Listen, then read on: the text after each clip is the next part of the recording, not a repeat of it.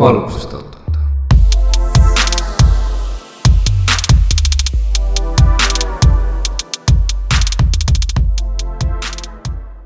tere tulemast kuulama meie uut podcasti.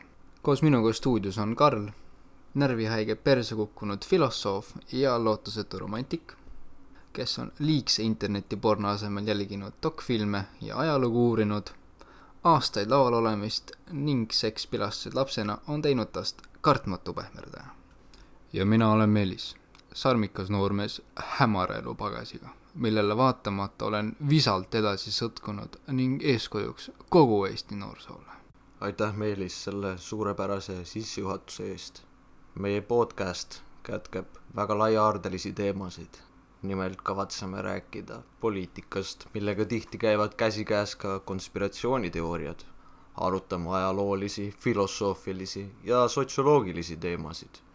kindlasti ei jäta mainimata ka narkootikume ja kui aega leiame, siis räägime ka tehnikast ning üritame seda kõike teha läbi humorika vaatevinkli. tänases saates räägime praeguseni kestvast pandeemiast ning toome välja kõik, mis on meie meelest sellega valesti. näiteks teadaolevate ravimeetodite mahavaikimine ja tagurlike kohustuste pealesurumine. arutame, miks just praegu on kõige olulisem aeg oma vabaduste eest seista ja mida toob tulevik.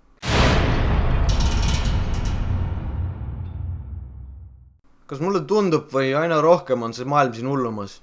kui märtsi alguses see jama siia jõudis ja ma ei mõtle mitte seda kuradi viirust, vaid seda sõna otseses mõttes propagandat, mida hakati siin ka levitama, siis alguses mina mõtlesin ka, et oh sa kurat, et kui nüüd pannakse piirid kinni ja kõik peavad kodus istuma ja kitsi üksteise peale panema, et äkki tegemist ongi päriselt väga nakkava ja üliohtliku viirusega aga noh, siis läksid päevad mööda, nädalad, nüüd juba kuud ja selle aja jooksul tuli aina rohkem sellist no vastuolulist infot. ja oli näha, et need, kes siin suure hirmuga sellele politseiriigi poliisidele hakkasid alluma, ega nende olukord ei ole kuidagi parem võrreldes nendega, kes täielikult eirasid neid reegleid.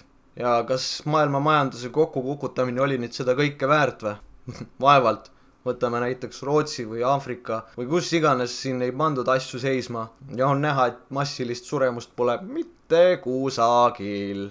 pigem kukuvad just need, kes on kõik selleks teinud, et äh, koroonaviiruse jama vältida, näiteks siis vaktsineerimised. vaata, me ei tulnud siia nüüd selleks, et inimesi lohutada, patsutada neile õlale ja öelda, et ah, küll kõik korda saab ei kavatse ka uuesti siin üle käima neid samu lolle soovitusi, mida pidevalt teles on kuulda, et toidu alla ja toidu peale, mida reeglina just sellised mõjukad grupid tahavad teile kaela suruda.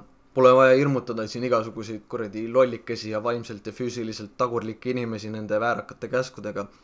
Kui ühiskond ise ei hakka sellele jamale vastu, siis öelge A tallekesed, et nendel riigiisadel oleks lihtsam teile need kiibikesed kurku lükata pange see debiilne teler vahelduseks kinni ja tehke internet lahti ja tehke ise nii mitmekülgset põhjalikku uurimustööd, kui te suudate. ja siis alles langetage ise see otsus, kas te lähete mask ees majast välja või mitte.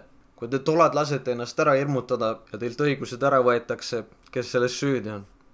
jah, ma nõustun, kes selles siis süüdi on, et äh, aga räägime siis nüüd vaktsineerimisest ka natukene, et äh, see on suht tundlik teema, kui aus olla, et äh, kui sa julged mainida, et vaktsineerimisest pole tolku või isegi võivad tuua rohkem kahju kui kasu, siis sind peetakse vaimuhaigeks, keda võrreldakse pedofiilidega.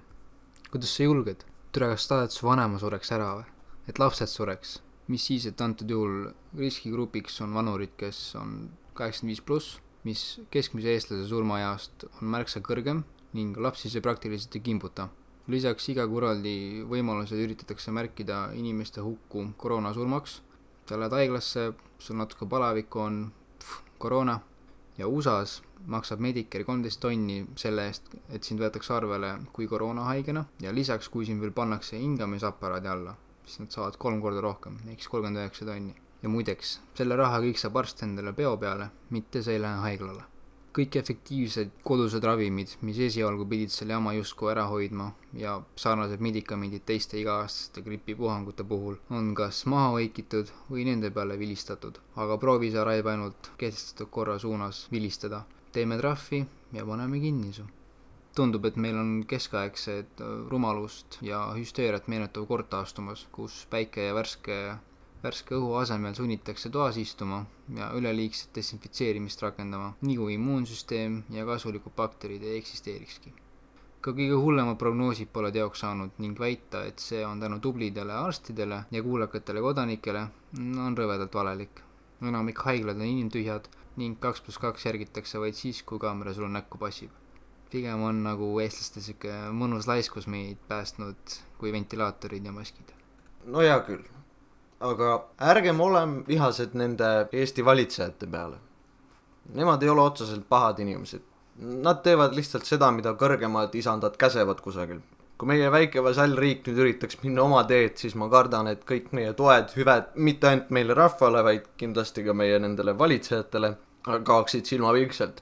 kas me saame üldse sellele vastu? ma tõesti ei tea, aga ma tean, et kui me praegused limukad siit Riigikogust välja ajaks, siis, siis uskuge mind, sinna tuleks kohe järgmised täpselt samasugused vandid asemele. nii et seega püsige kodus, Eestimaa. ärge kahelge oma valitsuses. järgige reegleid, Eestimaa. Teie valitsus kaitseb teid viiruse eest. ma ei teagi, kuulake seda tarka juttu edasi, mis sealt ETV-st ja mujalt tuleb ja kogu muusika avage Eesti politsei. Allah'ın